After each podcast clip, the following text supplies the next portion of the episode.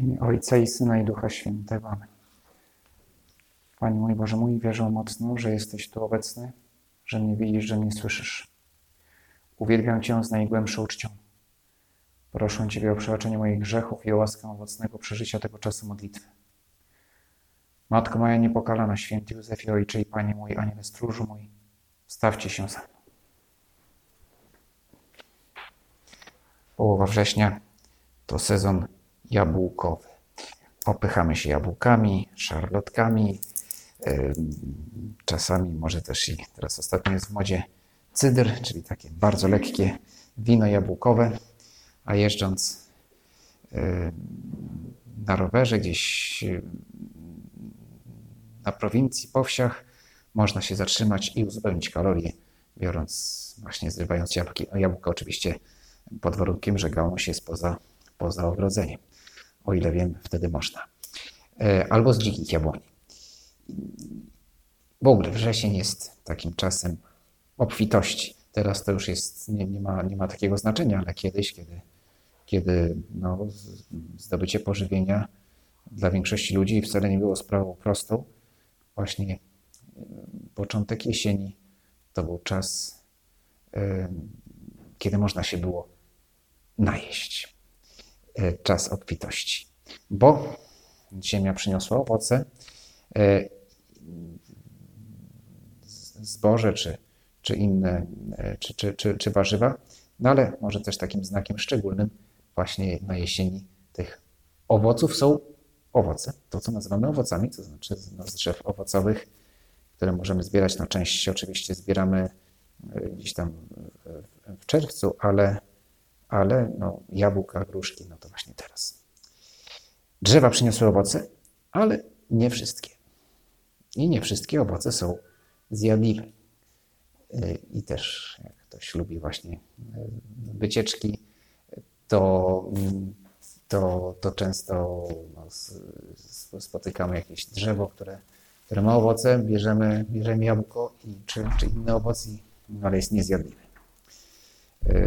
Dzikie jabłonie na ogół mają owoce cierpkie, jeśli w ogóle mają owoce. I prawdę mówiąc, nie mam pojęcia od czego to zależy. Jak to jest, że, że jak jest drzewo zadbane, to, to owoce są słodkie, a jak nie, to są, to są kwaśne. Ale faktem jest, że aby drzewo przyniosło owoce, potrzebna jest praca, potrzebna jest, jest opieka nad tym drzewem. I Pan Jezus, który no, miał dużo do czynienia, żył po prostu na wsi, więc, więc to życie w rytmie natury było dla niego codziennością i chętnie sięgał po przykłady właśnie tego, tego życia wiejskiego. Opowiedział taką przypowieść. Kto miał, ktoś miał w swojej winnicy drzewo figowe. Gdy, gdy przyszedł szukać na nim owocu, nic nie znalazł. Więc nawet nie można było powiedzieć figa z makiem, bo nawet figi nie było na tym drzewie figowym. Powiedział więc do ogrodnika: Już od trzech lat przychodzę szukać owocu na tym drzewie, a nie znajduję. Wytnij je. Po co jeszcze wyjeławia ziemię? Lecz on mu odpowiedział: Panie, Pozostaw je jeszcze na rok. Ja okopię je i obłożę nawozem. Może zaowocuje. A jeśli nie, wtedy je usuniesz. Ta przypowieść na pierwszym miejscu odnosi się do działania Boga w świecie, konkretnie Boga Ojca i Boga, Boga Syna. Mówi o szansie, jaką Bóg daje każdemu człowiekowi, daje całemu światu. Panem jest Ojciec, ogrodnikiem jest syn. I oczywiście w przypowieści widać tak, jakby była między nimi jakieś napięcie, żeby się, że się nie zgadzają, ale oczywiście Bóg działa, trzy osoby boskie działają zawsze w pełnej, pełnej harmonii. Natomiast przypowieść ma nam ukazać miłosiernego Boga, który daje nam szansę, aczkolwiek to nie jest, że nam to udaje w nieskończoność, że kiedyś ten czas e, szansy minie. E, ale tą przypowieść też możemy odczytać mm, na innym poziomie. Nas samych, naszego życia, naszego starania o świętość. I że to my jesteśmy ogrodnikiem, który uprawia, który troszczy się o drzewo, którym jestem ja sam, a konkretnie moje, moja dusza, moje życie duchowe, moje życie moralne. Jesteśmy ogrodnikami, którzy mają, któremu powierzono drzewo naszego własnego życia. I chodzi o to, żebyśmy je tak uprawiali, aby nie tylko rosło, ale też, żeby przynosiło owoce. Owoce, którymi jest świętość. Nawet zresztą używa się takiego określenia w literaturze duchowej owoce świętości. Właśnie takie owoce chcemy przynosić. Bóg chce, abyśmy taki owoc przynosili. Owoc, który jest ostatecznie na naszą korzyść, abyśmy byli święci. Jest to wezwanie do pracy nad sobą. Właśnie ta, ta przypowieść o, o drzewie figowym jest wezwaniem, mocnym wezwaniem do tego, abyśmy, abyśmy pracowali nad sobą, wiedząc, że w tej pracy nie będziemy sami.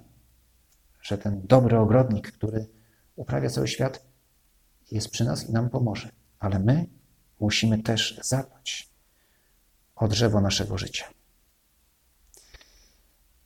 Zaczynając od, od naszych cnót. Bo w cnotach, w trosce o cnoty, o wykuwanie cnót, widać, na ile poważnie traktujemy nasze życie i na ile poważnie traktujemy Boga. Boga, który daje nam jasne wskazówki, które są dla nas, dla naszego dobra. Daje nam przykazania, przykazania, daje nam tą naukę Ewangelii, którą jakby jej, której podsumowaniem, czy takim syntezą jest osiem błogosławieństw. To to wszystko nam daje, żebyśmy tym żyli. Nawet nie tyle przestrzegali się, mówi, trzeba przestrzegać przykazań, bo oczywiście trzeba przestrzegać przykazań, ale może nawet lepszym słowem jest żyć przykazaniami. A więc nie tylko, że przestrzegam jako prawa zewnętrznego, ale traktuję jako moje wewnętrzne prawo, że ja chcę według tego żyć.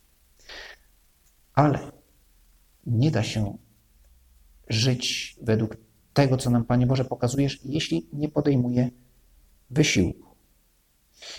I częścią, bardzo ważną częścią tego wysiłku są cnoty. To, co nazywamy cnotami, a więc dobre nawyki, zdol, zdolność, łatwość w czynieniu dobra, którą nabywamy naszym wysiłkiem. Oczywiście możemy w ogóle podjąć ten wysiłek, bo Bóg nas stworzył, abyśmy byli do tego zdolni, więc i to jest dar, wszystko jest dar. Nic, co mamy, nie pochodzi od nas samych, ale no, Bóg od nas oczekuje współpracy. I takim konkretną współpracą w naszym uświęceniu jest, jest troska o, y, o kształtowanie cnót.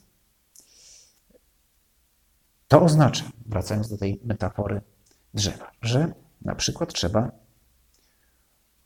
odcinać suche gałęzie, martwe, które stają się przeszkodą w tym, aby drzewo przynosiło owoce. Co więcej, stają się no, siedliskiem niebezpiecznych pasożytów.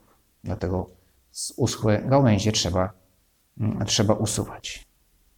No i takimi właśnie suchymi gałęziami, w których się może gnieździć różne robactwo, no, są nasze wady. A może szczególnie takie wady już yy, stare, trwające od dawna, do których się przyzwyczaiłem. Do tego stopnia, że mogę uznawać, że są bez znaczenia. No, może nawet jakieś takie, mają swój urok, takie drzewo z poroma suchymi gałęziami ma. Tak, wygląda tak romantycznie, prawda? Tutaj gałąź zielona, tutaj sucha.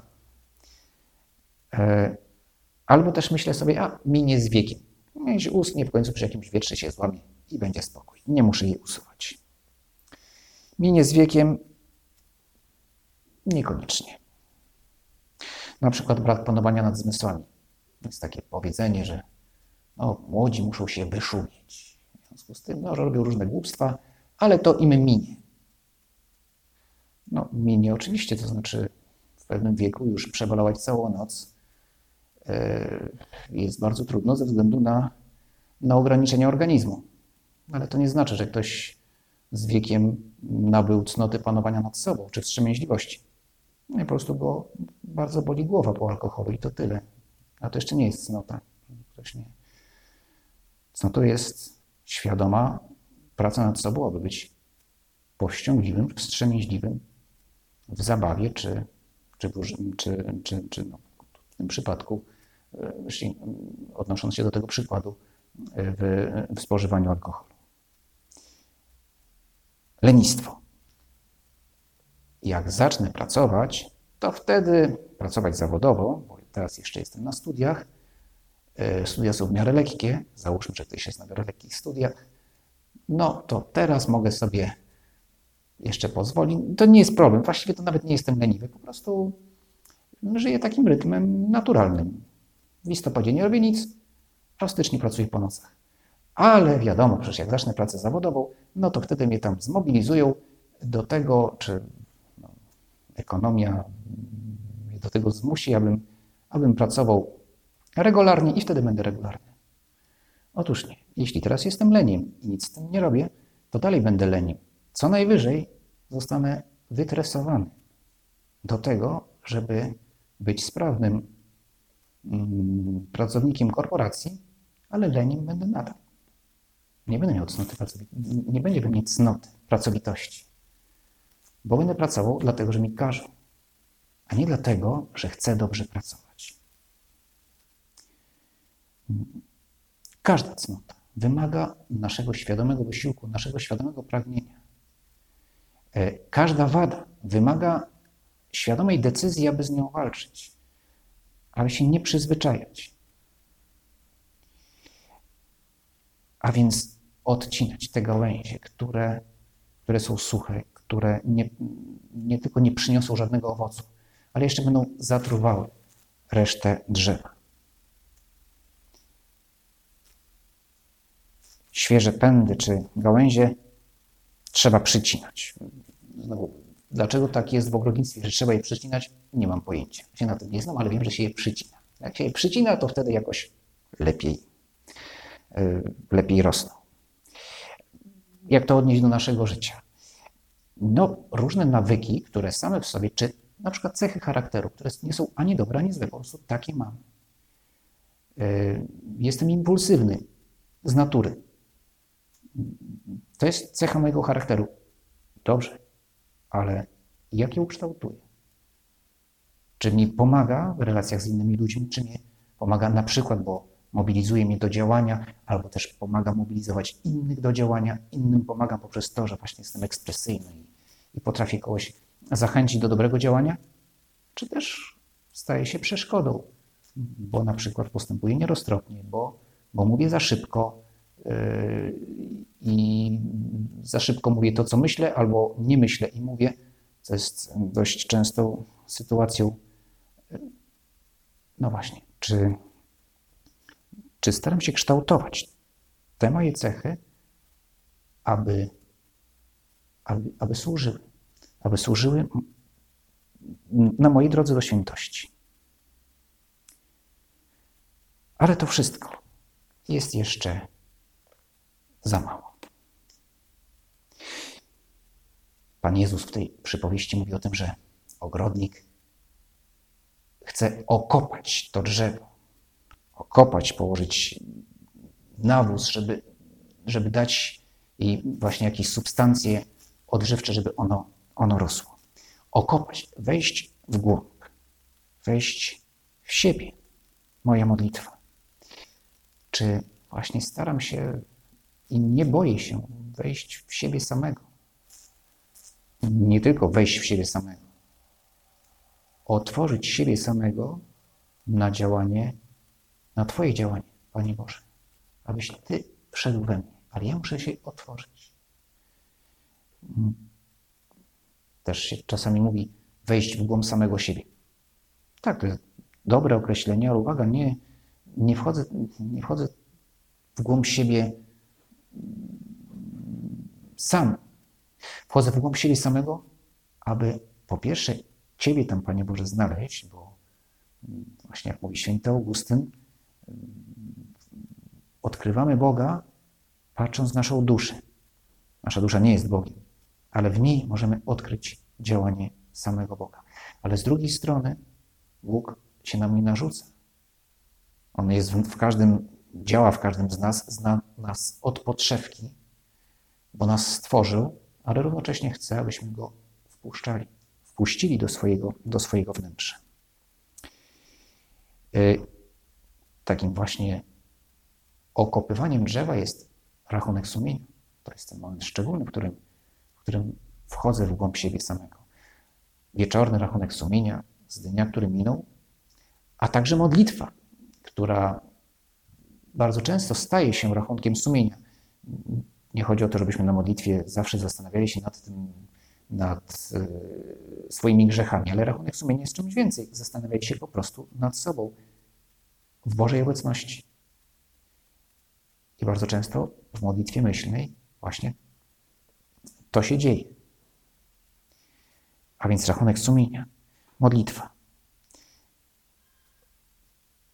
Wchodzę w siebie razem z Tobą.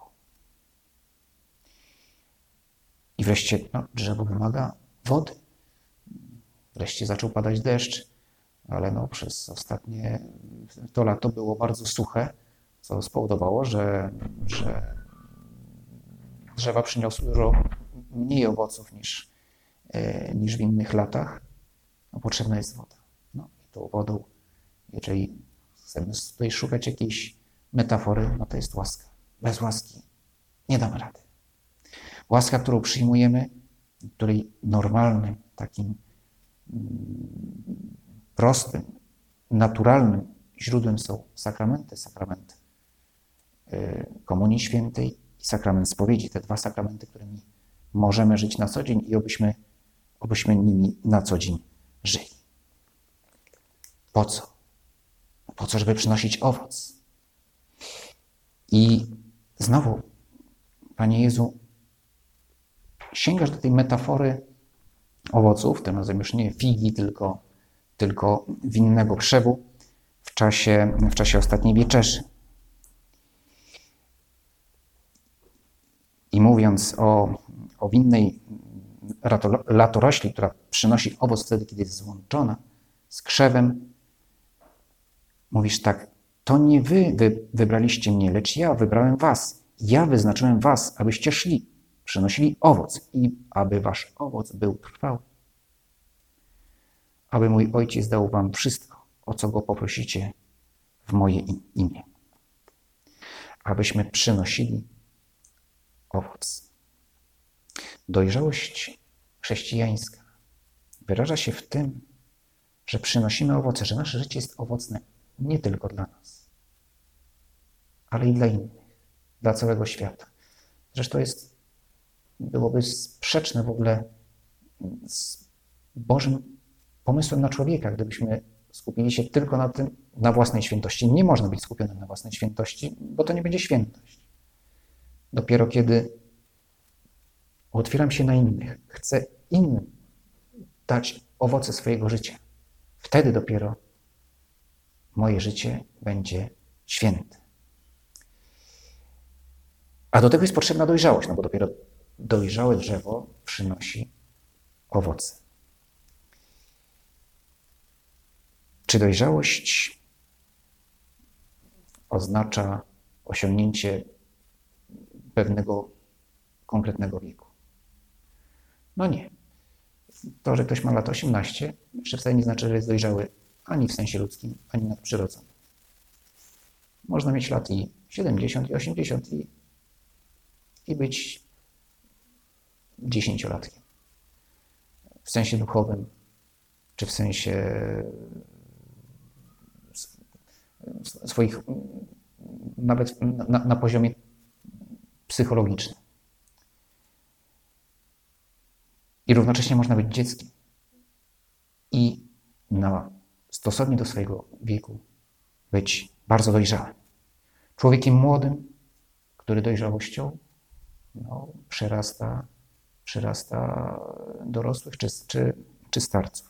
Dzisiaj obchodzimy e, święto świętego Stanisława Kostki, który tą dojrzałość i ludzką, i nadprzyrodzoną osiągnął bardzo wcześnie. Jest patronem młodzieży nie tylko dlatego, że umarł młody, ale przede wszystkim dlatego, że będąc młody, osiągnął dojrzałość, dzięki której zapragnął, aby jego życie było owocne. Nie wiedział, że jego życie będzie krótkie. Ale już w bardzo młodym wieku chciał, aby było owocne, bez względu na to, jak długo będzie trwało. Święty Stanisław pochodził z magnackiej rodziny, o wielkich ambicjach. Rodzice wychowali go bardzo dobrze. To była mm, wiek XVI, połowa XVI wieku. E, rodzina Kostków właśnie jest mm, jakby w fazie wschodzącej. E, ojciec piastuje e, urząd kasztelana Zakroczymskiego, czyli urząd senatora. Mają duży majątek, mają, są, mają dobre koligacje, wpływy. Wychowują swojego syna bardzo dobrze. Uczą go pracy nad sobą, dyscypliny, pobożności, szacunku do innych, szacunku na przykład wobec służby, co było cechą dobrego wychowania na dworach, to jest to, że dzieci szanowały ludzi niższego stanu. I to był znak rzeczywiście prawdziwej, prawdziwego szlachcica, że nie pogardzał ludźmi niższego stanu, ale przeciwnie. Był wobec nich, odnosił się wobec nich z szacunkiem. To wszystko otrzymał w dzieciństwie. I to wszystko przyniosło owoce. Problem polega na tym, że jego rodzice, w szczególności ojciec oraz starszy brat, który też się czuł odpowiedzialny za, za wychowanie młodszego brata, popełnili jeden błąd. Mianowicie zaplanowali dla niego karierę, co w tamtych czasach było dość oczywiste i samo w sobie nie było niczym złym. Może ojciec chciał, aby jego syn mm, kontynuował e, tradycję rodu, żeby, żeby umacniał jego pozycję i żeby służył ojczyźnie jako senator czy, czy, czy jakąś inną pełniąc funkcję.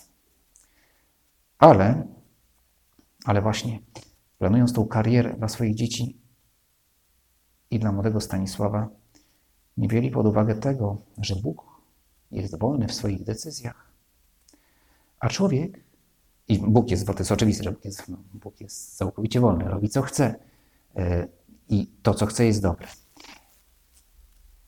Ale konkretnie Bóg jest wolny, aby wezwać każdego człowieka do drogi, która będzie dla niego najlepsza. A każdy człowiek jest wolny, aby na to wezwanie odpowiedzieć.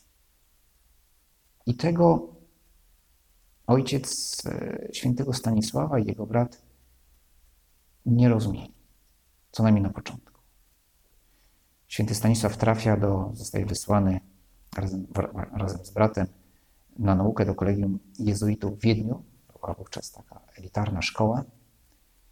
E, tam bardzo dobrze się uczy, ale co ciekawe, podkreślają mm, e, jego wychowawcy, że wynika to przede wszystkim z jego wytrwałości. Nie tyle z jakichś talentów nadzwyczajnych, ale z wytrwałości. I jezuici są bardzo nowym zakonem. Zdobywają już wielką sławę, ale to jest jeszcze, to jest dopiero początki e, wielkiego dzieła świętego Ignacego. I młody Stanisław odkrywa powołanie i chce pójść tą drogą świętego Ignacego. Wiedział, że ojciec się na to nie zgodzi, że planował dla niego inną karierę i dlatego chce wstąpić do zakonu bez, bez, nie, bez zgody swoich rodziców, bo wie, że, będzie, że odpowiedź będzie negatywna. I oto co, co pisał jego wychowawca, opiekun w raporcie o, w szkole, to też tam był porządek, mimo że nie istniało kuratorium, to jezuici dbali o to, żeby tam był w szkole był porządek i żeby opinie wychowawcze były skrupulatnie odnotowywane. Nie wiem, czy istniał dziennik, ale na pewno była jakaś forma archiwum i w tym archiwum znajdujemy taki, takie sprawozdanie. Pewien młody Polak szlachetnego rodu, lecz bardziej jeszcze szlachetny cnotą, przebywał u nas w Wiedniu przez dwa lata i nalegał o przyjęcie go do zakonu. Spotykał się jednak zawsze z odmową. Nie wypadało przyjmować go bez zgody rodziców, był bowiem naszym, naszym konwiktorem i uczniem naszego gimnazjum. Poza tym zaistniały jeszcze inne powody odmowy. Konkretnie obawiano się polskiego senatora. To były czasy. Rzeczpospolita jest u szczytu swojej potęgi i w cesarstwie, w Wiedniu, w stolicy cesarstwa, liczył się z opinią, co tu dużo gadać, drugorzędnego senatora, bo kasztelan Zakroczymski to jest tak zwany senator drążkowy, czyli niższa, niższa kategoria senatorów. Nie mając więc nadziei na urzeczywistnienie tutaj swoich zamiarów, wyruszył przed paroma dniami w niewiadomym kierunku, pragnąc zapewnie uczynić to, spełnić swoją, swoje pragnienie gdzie indziej. Zostawił on wielki przykład stałości i pobożności. Wszystkim drogi, nikomu nie przykry, młody wiekiem, ale dojrzały roztropnością. Niewielki wzrostem, lecz wielki duchem. Słuchał codziennie mszy świętej, częściej od innych się spowiadał i przyjmował komunię świętą i długo się modlił. Studiował retorykę i nie tylko dorównywał innym w nauce, ale i prześcigał tych, którzy, od niedawna, którzy do niedawna go przewyższali. Więc taka laurka ze strony wychowawcy. No i potem opisuje, no właśnie, jak, jak Stanisław wyraża swoje pragnienie, ale, ale nie chce się na to zgodzić i podejmuje decyzję, w takim razie wyruszę w świat i będę, i będę szukał miejsca, gdzie mi przyjmą, że któryś, któryś z domów yy, zakonnych jezuitów w końcu mnie przyjmie. Tak więc, gdy ani wychowawca, ani spowiednicy nie mogli go odwieść od powziętego postanowienia, pewnego ranka po przyjęciu Komunii Świętej opuścił Wiedeń bez wiedzy swojego opiekuna i swojego brata, który niemal natychmiast zorganizował pościg. Było jak w filmie, prawda? Ścigali Stanisława po całej Europie. Wyrzekł się dość znacznej ojcowizny, pozostawił odzież, której używał w domu i w szkole, a przydziawszy płócienne i pospolite odzienie, z kijem w ręku udał się drogę jak zwyczajny, ubogi prostak. I jak kończy tą relację ów jezuita. Tylko Bóg wie, co będzie z nim dalej. Ufamy jednakże, że to wszystko się stało nie bez natchnienia Bożego.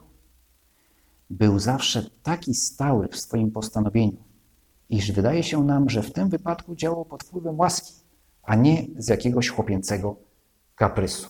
No i jak się okazało, ten wychowawca miał rację, że ten, że, że Stanisław był tak dojrzały, że mógł podjąć w młodym wieku tą decyzję. Ostatecznie jego decyzja została zaakceptowana i przez ojca, i przez brata, którzy bardzo żałowali tego, że początkowego sprzeciwu. E, ale właśnie jak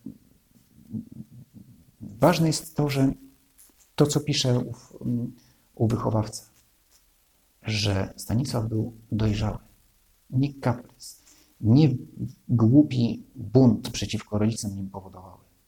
Kochał swoich rodziców i był im wdzięczny. Zresztą było bardzo jasne, że no, gdyby nie wychowanie, które otrzymał w domu, raczej by nie odkrył swojego powołania. Od rodziców otrzymał i oni go uformowali w cnotach, również w pobożności, dzięki którym mógł odpowiedzieć Bogu. Prośmy Boga o tę dojrzałość i roztropność, jaką miał święty Stanisław w każdym wieku. I teraz, kiedy otwiera się przed Wami dorosłe życie, i później, w każdym momencie naszego życia, Potrzebujemy tej dojrzałości, abyśmy odpowiadali Bogu, odważnie odpowiadali Bogu na Jego wezwania. Bo roztropność nie oznacza tchórzostwa. Czasami ona oznacza właśnie konieczność przełamania lęku, aby pójść za głosem Boga.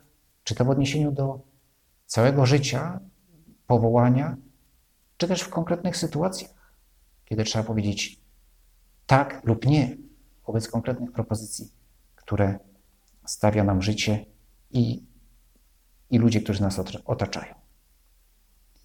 Prośmy więc Boga o tę dojrzałość i roztropność, które, które są owocem działania Ducha Świętego w nas, ale równocześnie starajmy się pracować nad sobą, bo bez pracy, bez uprawiania tego drzewa naszego życia, no nie jesteśmy w stanie odpowiedzieć na, e, na łaskę, bo Bóg liczy się z naszą wolnością. Chce liczyć na naszą wolność. I posłuchajmy na koniec jeszcze słów innego świętego, który wcześniej uzyskał tę dojrzałość, która mu pozwoliła, aby odpowiedzieć na Boże wezwanie i podjąć bardzo trudne zadanie e, w Kościele. Święty Josemaria, który otrzymuje wezwanie, zadanie, charyzmat, aby powołać do istnienia nową drogę duchową, jaką jest Opus Dei, w bardzo młodym wieku, mając zaledwie 26 lat. Pisał w którymś miejscu tak. Zastanów się, czy rozumiesz tę pozorną sprzeczność. Kończąc 30 lat życia, ów człowiek napisał w swoim dzienniku: Nie jestem już młody. No tak naprawdę mówi o sobie. Ale skończywszy 40, odnotował: Pozostanę młody aż do 80. Jeśli umrę wcześniej, pomyślę, że się zmarnowałem. Pomimo upływu lat czuł się zawsze młody. Tą dojrzałą młodością, jaką daje miłość. Dojrzałą młodością. Właśnie w każdym wieku byli młodzi, a równocześnie dojrzali. Jak święty Stanisław, jak święty Josmeria i tylu innych świętych, jak Najświętsza Maria Panna, która daje tą najważniejszą odpowiedź w historii świata, mając lat kilkanaście bo miała w sobie.